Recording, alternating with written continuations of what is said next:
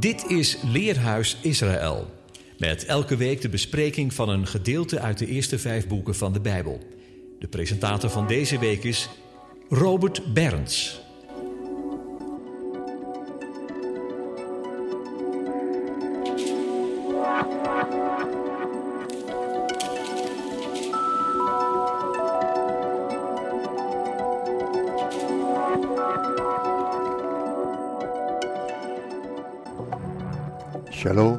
Beste luisteraar. De parasha van deze week is Besjelach. En hij, Farao, zond hen weg. Exodus 13, vanaf vers 17 tot hoofdstuk 17, vers 16. Deze Shabbat heeft de naam, namelijk Shabbat Shira, de Sabbat van het lied. Welk lied? Het lied aan de zee, Exodus 15, vers 1 tot en met 18, dat de Israëlieten zongen na door de Rode Zee getrokken te zijn en waarom de profetes Mirjam de tamboerijn pakte en in beurtzang het refrein zong over zijn heerlijkheid en majesteit. Zingt de Heere, want hij is hoog verheven, het paard met zijn ruiter stortte hij in de zee. Dit lied past bij de profetie die de Heere aan Mozes geeft in hoofdstuk 14, vers 4, 17 en 18. En de Egyptenaren zullen weten dat ik de Heere ben, doordat ik mij verheerlijken zal aan Farao, aan zijn wagens en aan zijn ruiters.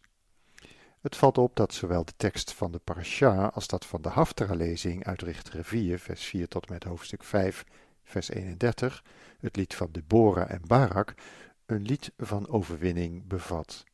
Bovendien is er sprake van twee van de vijf profetessen die in de Bijbel bij naam genoemd worden: Mirjam, de zuster van Aaron, en Deborah, de vrouw van Lapidot. Zij was als een moeder in Israël toen leiders en richters in Israël ontbraken.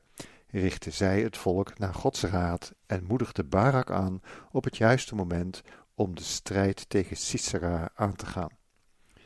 De Heere verheerlijkt zich in het volledig en overtuigend overwinnen van zijn tegenstanders en in het openbaren van zijn naam aan zijn volk. Zij zullen weten dat ik de Heere God ben. Exodus 16, vers 12. Diezelfde proclamatie komt in de profetieën van Ezekiel na de gerichten over de volken regelmatig terug, zoals in Ezekiel 39, vers 22 en 28. Bij het lezen van de tekst van deze parasha raak je onder de indruk van wat de hand van de Heere werkt. Daarom zullen we daar vandaag de nadruk op leggen. Van die hand en zijn heerlijkheid wordt in het lied gezongen. Vers 5, van hoofdstuk 15, vers 6. Uw rechterhand, heren, heerlijk door kracht, uw rechterhand, heren, verpletterde de vijand. In uw grote majesteit vernietigde gij wie tegen u opstonden. En in vers 11 van het lied, wie is als gij onder de goden, heren? Wie is als gij heerlijk in heiligheid, vreselijk in roemrijke daden, wonderbaar in uw doen? Gij strekte uw rechterhand uit. De aarde verzwolg hen. Gij leidde in uw goede tierenheid het volk dat gij verlost hebt.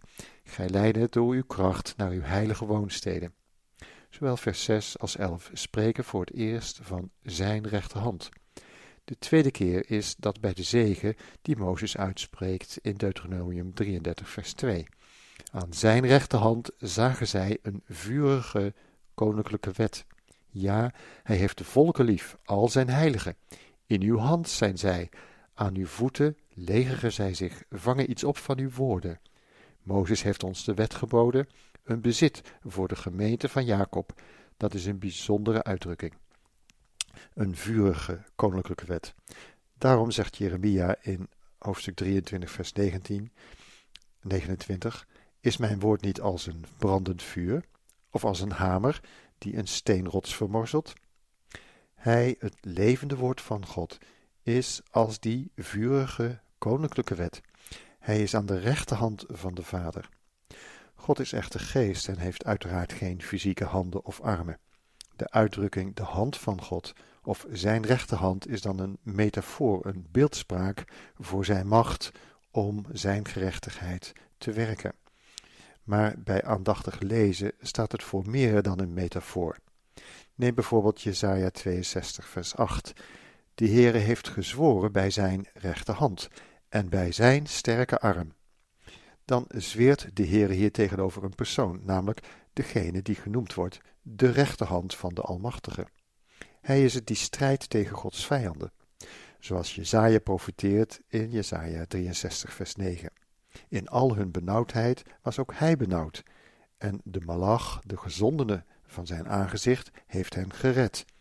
In zijn liefde en in zijn mededoog heeft hij zelf hen verlost, en hij hief hen op en droeg hen al de dagen van ouds. Maar zij waren weerspannig en bedroefden zijn heilige geest. Daarom veranderde hij voor hen in een vijand. Hij zelf streed tegen hen. Maar hij dacht aan de dagen van ouds, aan Mozes, aan zijn volk. Waar is hij die de herders zijner kudde voerde uit de wateren? Waar is hij die zijn heilige geest in hun binnenste gaf, die zijn luisterrijke arm aan de rechterhand van Mozes deed gaan, die voor hen de wateren kliefde om zich een eeuwige naam te maken, die hen deed gaan door de waterdiepte. Als Jezaja stelt dat de Heere, de gezondene van zijn aangezicht, zijn luisterrijke arm aan de rechterhand van Mozes deed gaan, dan mogen het duidelijk zijn dat de Messias zelf met Mozes en zijn volk meeging. Ook Psalm 118 getuigt van deze Messias met woorden uit het lied van Mozes. Psalm 118, vers 14. De Heere, mijn sterkte en mijn psalm, hij is mij tot heil geweest. Hoort, jubeliet en zegezang in de tenten der rechtvaardigen. De rechterhand van de Heere doet krachtige daden. De rechterhand van de Heere verhoogt. De rechterhand van ja, de Heere doet krachtige daden. In het Hebreeuws klinkt dat zo. Yemin Adonai Romema Osa Lelishua.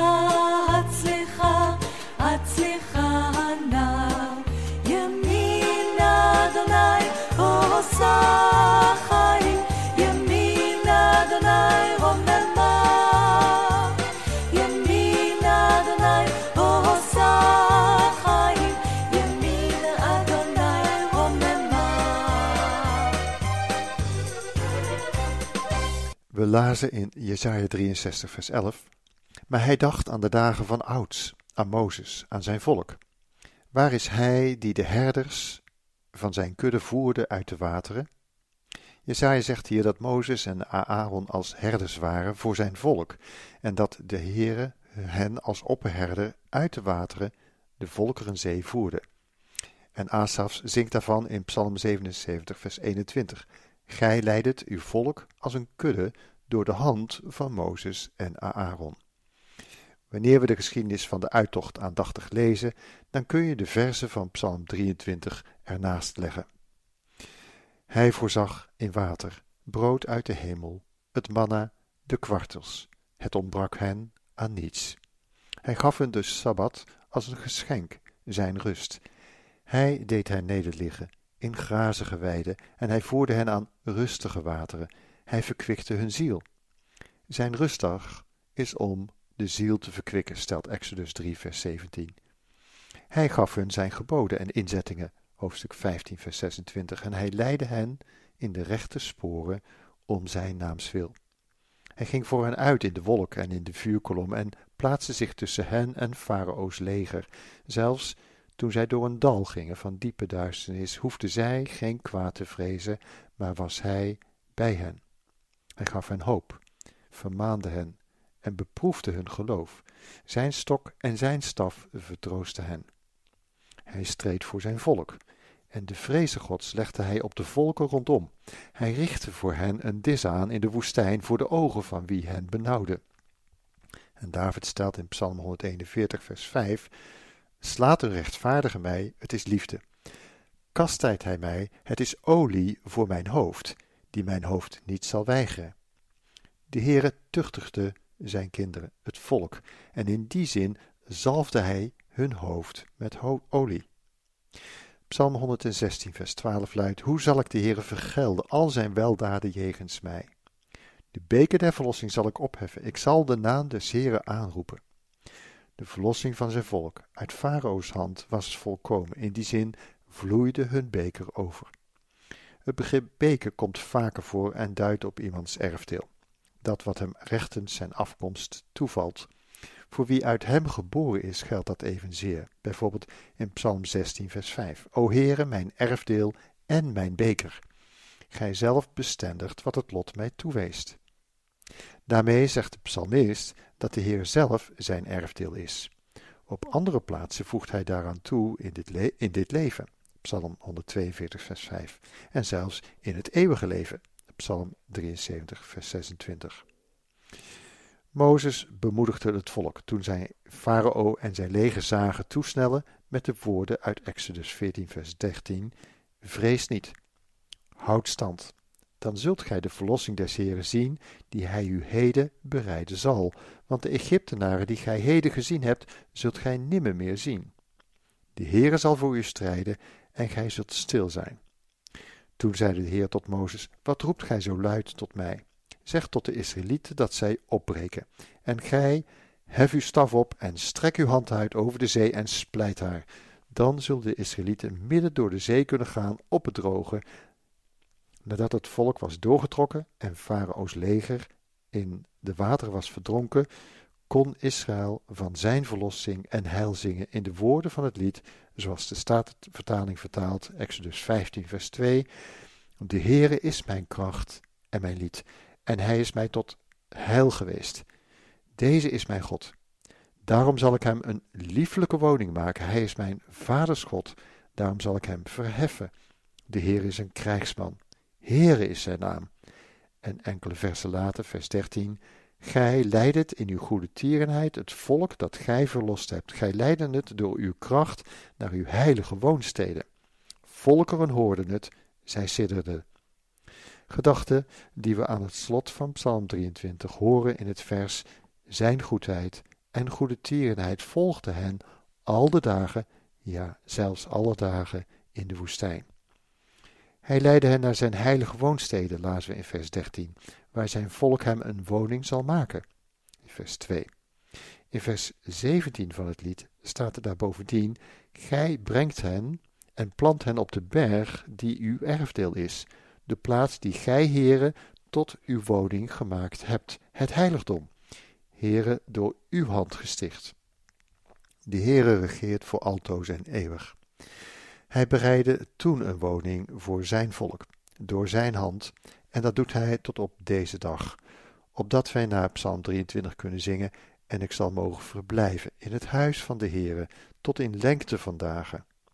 Ook om die reden getuigt de Messias Yeshua in Johannes 14, vers 2: In het huis van mijn vader zijn vele woningen. Anders zou ik het u gezegd hebben. Want ik ga heen om uw plaats te bereiden. En wanneer ik heen gegaan ben en uw plaats bereid heb, kom ik weder en ik zal u tot mij nemen, opdat ook gij zijn moogt waar ik ben. En waar ik heen ga, daarheen weet gij de weg. En in vers 23 zegt Yeshua tot zijn discipelen: Indien iemand mij lief heeft, zal hij mijn woord bewaren. En mijn vader zal hem lief hebben, en wij zullen tot hem komen en bij hem wonen. Wie mij niet lief heeft, bewaart mijn woorden niet, en het woord dat gij hoort is niet van mij, maar van de Vader die mij gezonden heeft. Zo bereidt de gezondene van de Vader zich nu een woning in onze harten, door de gehoorzaamheid des geloofs aan zijn woorden, door zijn geest daarin uit te werken, zodat we tot de vreugde van onze Heer, Matthäus 25, vers 21 en 23, en tot de rust van de Heer van de Shabbat kunnen en mogen ingaan. Laten we luisteren naar een vrolijk lied om daarmee ook je vreugde te uiten. Sham ותשמח machzion, sham ותשמח machzion, sham ותשמח machzion, And the women came rejoicing, rejoicing, rejoicing. And the women came rejoicing, rejoicing, rejoicing. But again, Abenokia Buddha, Sham'a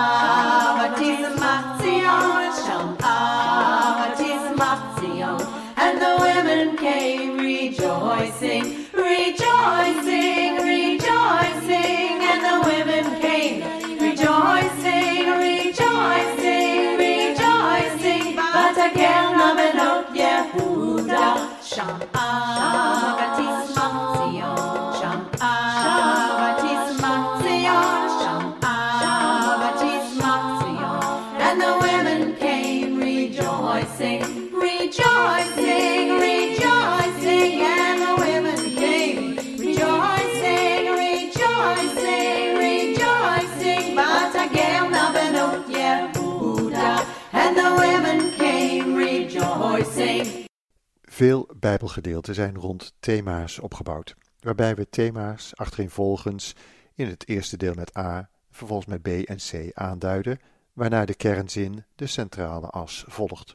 Daar ligt dan in dat Bijbelgedeelte de nadruk op.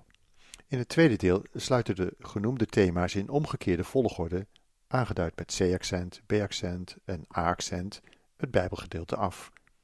Zo'n opbouw wordt een chiasme genoemd. Een dergelijke opbouw in een chiastische structuur is ondersteunend om hoofd- en bijzaken uit elkaar te houden.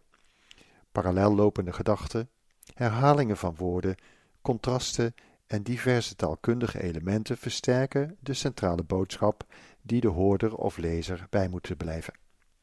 Deze wijze van het bestuderen van een tekst noemen we thematische analyse.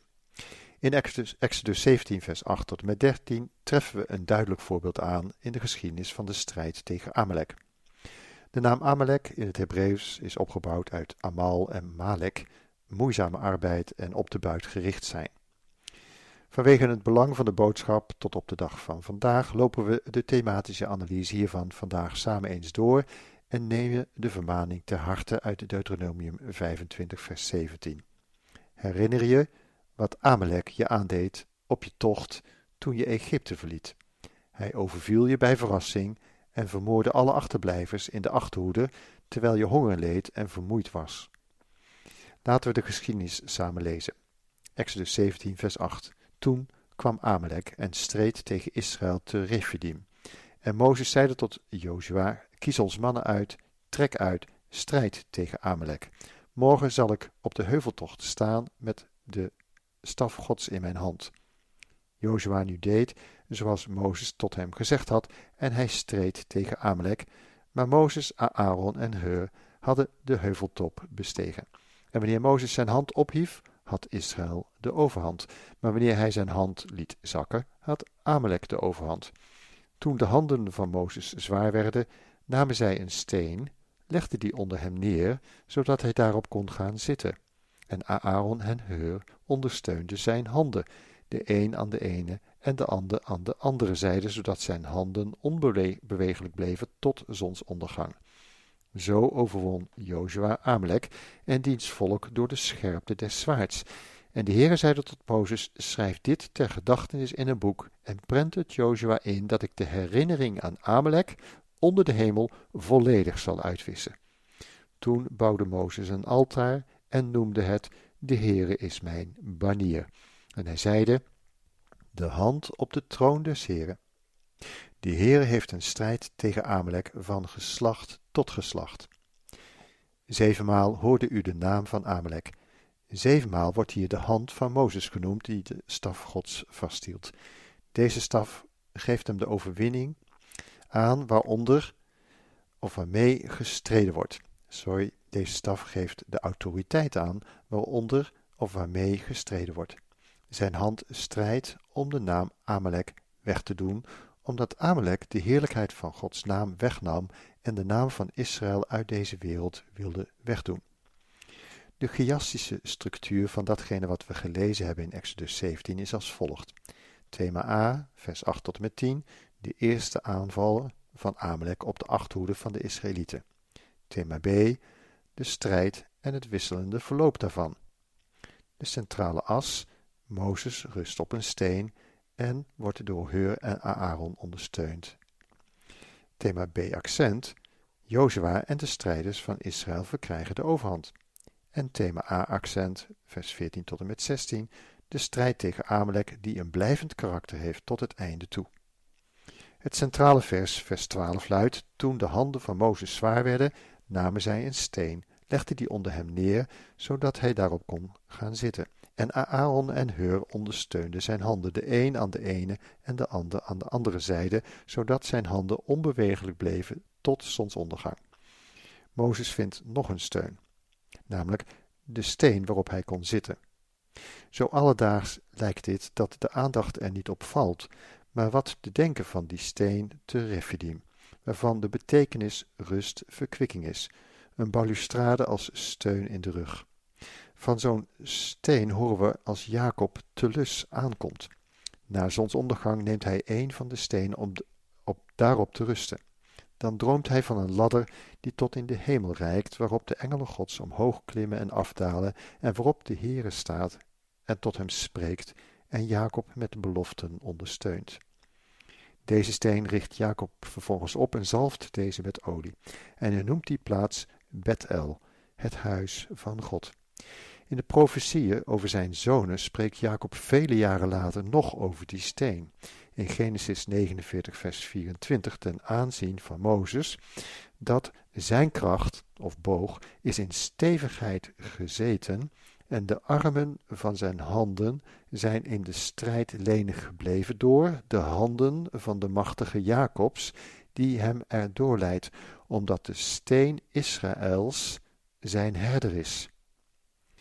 De Hebreeënbrief spreekt in hoofdstuk 13, vers 20: De God nu des vredes, die onze Heer Jezus, de grote herder der schapen, door het bloed van een eeuwig verbond heeft teruggebracht uit de doden, bevestig u in alle goed om zijn wil te doen. Deze grote herder heeft ook u en mij teruggebracht, getuigt Petrus in 1 Petrus 2, vers 25. Want gij waart dwalende als schapen, maar thans hebt gij u bekeerd tot de herder en hoeder van uw zielen. En in 1 Petrus 5, vers 4. De oudste onder u vermaan ik dan als mede-oudste en getuige van het lijden van de Messias, die ook een deelgenoot ben van de heerlijkheid welke zal geopenbaard worden, hoed de kudde gods die bij u is, niet gedwongen, maar uit vrije beweging naar de wil van God, niet uit schandelijke winzucht, maar uit bereidwilligheid, niet als heerschappij voerend over hetgeen u ten deel gevallen is, maar als voorbeelden der kudde. En wanneer de opperherder verschijnt, zult gij de onverwelkelijke krans der heerlijkheid verwerven. Hij, onze hoge priester, de herder Israëls, de steen Israëls, is het die voor ons bidt en pleit bij de Vader. In het bijzonder voor degene die zich vrijwillig in de strijd begeven, stelt Psalm 110. Wanneer wij ons vrijwillig inzetten, dan zal de steen Israëls onze ondersteuning zijn. Daarover meer in het lied van Deborah en Barak, maar nu eerst een lied van overwinning over Mozes over zijn vijanden. De Heere is mijn kracht en mijn psalm, hij is mij tot heil geweest.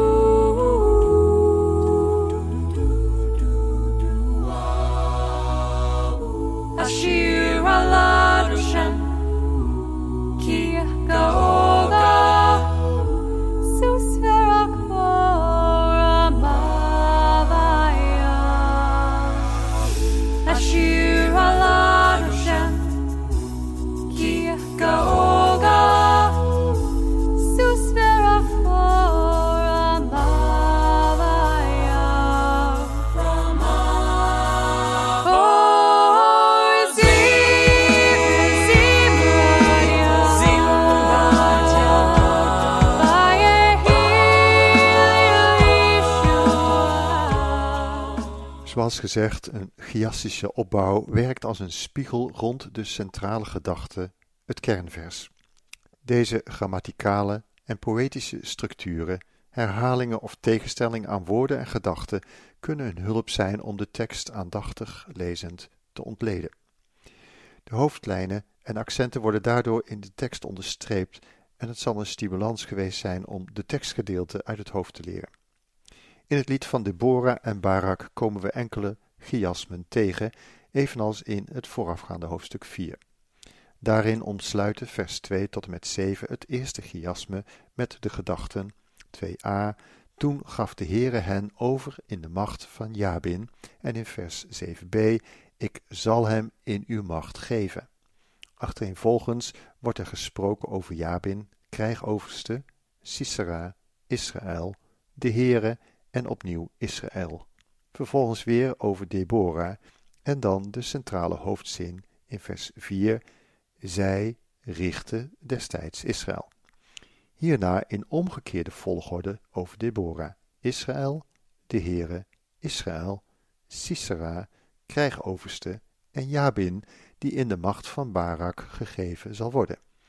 Je kunt hier een tweede, meer ingewikkelde chiasme ontdekken tussen de versen 10 tot en met 17 en de woorden voet, Heber, de Keniet, Sisera, Barak, Sisera, wagens, Garoset, Hagoyim, Barak. En breek op. De Heere levert Sisera aan je over en dan volgt de centrale hoofdgedachte in vers 14, is niet de Heere voor u uitgetogen. Daarop lezen we dat Barak afdaalt, de Heere Sisera in het nauw brengt en herhaling, herhalen de eerdere op een rij genoemde woorden zich als in een spiegelbeeld. Beide hoofdgedachten vertellen dat Deborah in die tijd tussen Israëlieten recht sprak en dat in de strijd de Heere voor Barak uit was gegaan. Sisera vlucht uiteindelijk te voet en denkt een wijkplaats te vinden in de tenten van de Keniet Geber. Zijn vrouw Jaël, die uit haar tent komt, leidt Sisera echter om de tuin, zodat ze hem geruststeld gesteld had en Sisera vanwege de oververmoeidheid in een diepe slaap valt. Dan neemt zij een tentpin en een hamer in haar rechterhand en doorboort daarmee de schedel van Sisera, zodat hij ter plekke sterft. Barak vindt hem daarop dood in de tent van Jaël. In het lied van Deborah en Barak vinden we eveneens twee chiasmen. De eerste tussen de versen 6 tot en met 11, waarbij het accent valt op vers 9, en de tweede tussen de versen 14 tot en met 18, met de hoofdgedachte in vers 16. Vers 9 luidt: Mijn hart gaat uit naar de aanvoerders van Israël, naar hen die zich vrijwillig aanboden onder het volk. Prijs de Heere. En vers 16: Waarom bleeft gij zitten tussen de veestallen, al luisterend naar het fluitspel bij de kudde? Deze verzen zijn in betekenis elkaars spiegelbeeld en versterken daarmee de centrale gedachte in het lied dat Deborah en Barak, de zoon van Avinoam, op die dag zongen. Omdat het volk vrijwillig zich aanbood, prijst de Heere, vers 3, hoort gij koningen, leent het oor, gij machthebbers. Ik wil, ja, ik wil voor de Heere zingen, psalm zingen voor de Heere, de God van Israël.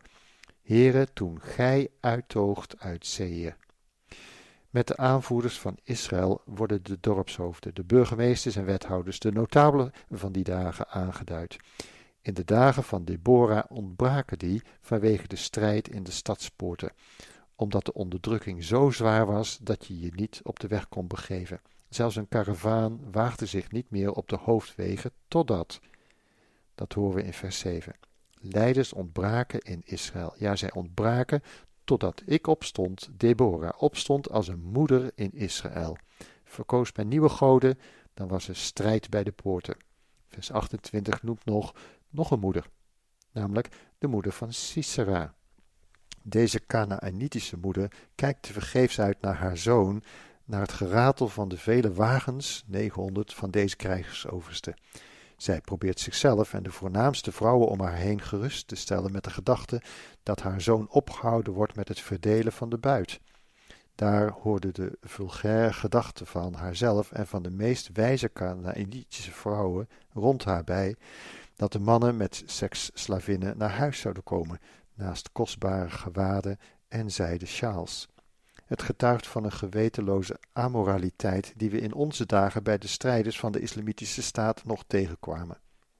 Een amoraliteit die voorkomt uit het dienen van fictieve goden, vruchtbaarheidsgoden, een gruwelijke dienst aan hun afgoden. Je geeft het een naam en daarmee zou het te rechtvaardigen zijn. Het is dat Deborah als een moeder in Israël optreedt en de moraliteit herstelde en recht sprak, de leiders aanmoedigde en opriep om daartegen te strijden. Het is dat de Heere zelf voor zijn volk streed, opdat zijn volk niet op een weerzingwekkende wijze zou worden vernederd en verontreinigd. Daarom vernederde hij Jabin, de koning van de Kanaanieten, en Sisera zijn krijgsoverste met zijn negenhonderd paarden en wagens. Juist zelfs door de hand van een vrouw. Psalm 44, vers 3: Met uw hand hebt gij volken verdreven en hen, hen geplant, natieën geteisterd en hen uitgebreid. Want niet met hun zwaard hebben zij het land veroverd, niet hun arm heeft hen gered, maar uw rechterhand en uw arm en het licht van uw aanschijn, omdat gij in hen een welbehaag had. Gij tocht zijt mijn koning, o God. Gebied de verlossing van Jacob. Daarom zullen alle volken hem, vroeg of laat, door zijn gerichten heen als Heere moeten erkennen en zijn naam verheerlijken. Wie daaraan afdoet, zullen bestreden worden. Hun naam zal uitgeroeid worden, terwijl zijn naam en de naam Israël tot in alle eeuwigheden zal blijven. Daar spreekt niet alleen dit lied van, maar ook een ander lied, namelijk Psalm 83. Een lied, een psalm van Asaf, O God, houd u niet stil. Zwijg niet en blijf niet werkeloos, o God, want zie, uw vijanden tieren, uw haters steken het hoofd op. Zij smeden een listige aanslag tegen uw volk en beraadslagen tegen uw beschermelingen. Zij zeggen, komt, laten wij hen als volk verdelgen, zodat aan de naam van Israël niet meer wordt gedacht. Want zij hebben eensgezind beraadslaagd tegen u een verbond gesloten, de tenten van Edom en de Ismaëlieten Moab en de Hagrieten, Gebal Ammon en Amalek, Filistea met de inwoners van Tyrus. Zelfs Assur heeft zich bij hen gevoegd. Zij zijn de zonen van Lot tot steun. Sela. Doe hen als Midjan, als Sisera, als Jabin aan de beek Kisson, die bij Endor vernietigd werden tot mest werden voor het land. Maak hen hun edele als Oreb en Zeeb, als Zebach en Salmuna, al hun vorsten, die zeiden wij willen in bezit nemen de woonstede Gods. Mijn God, maak hen als een werveldistel, als kaf voor de wind, gelijk een vuur dat het woud verbrandt, gelijk een vlam die de bergen in laaiende gloed zet. Vervolg hen zo met uw storm, verschrik hen met uw wervelwind, overdek hun aangezicht met schande, opdat zij uw naam zoeken, o Heer. Laten zij voor immer beschaamd en verschrikt worden, schaamrood worden en te gronde gaan, opdat zij weten dat alleen uw naam is, Heere, de Allerhoogste over de ganse aarde. Ter afsluiting het lied van Deborah. Waak op, waak op, Deborah, Uri, Uri, Devorah, en Barak, de zoon van Avinoam. Avi, mijn vader, en Noam is genadig, voorziet op voor aangename wijze. Laten we luisteren naar dit lied op Shabbat Shira. שמעו מלכים האזינו אוזנים אנוכי לאדוני אנוכי אשירה אזמר לאדוני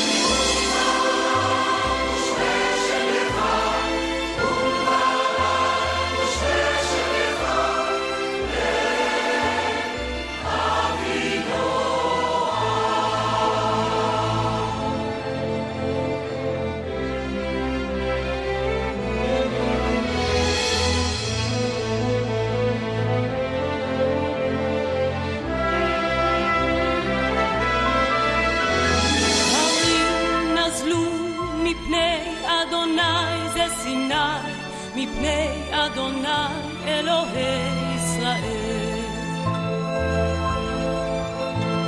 בימי שמגר בן ענת, בימי יעל, חדלו אורחות והולכי נתיבות.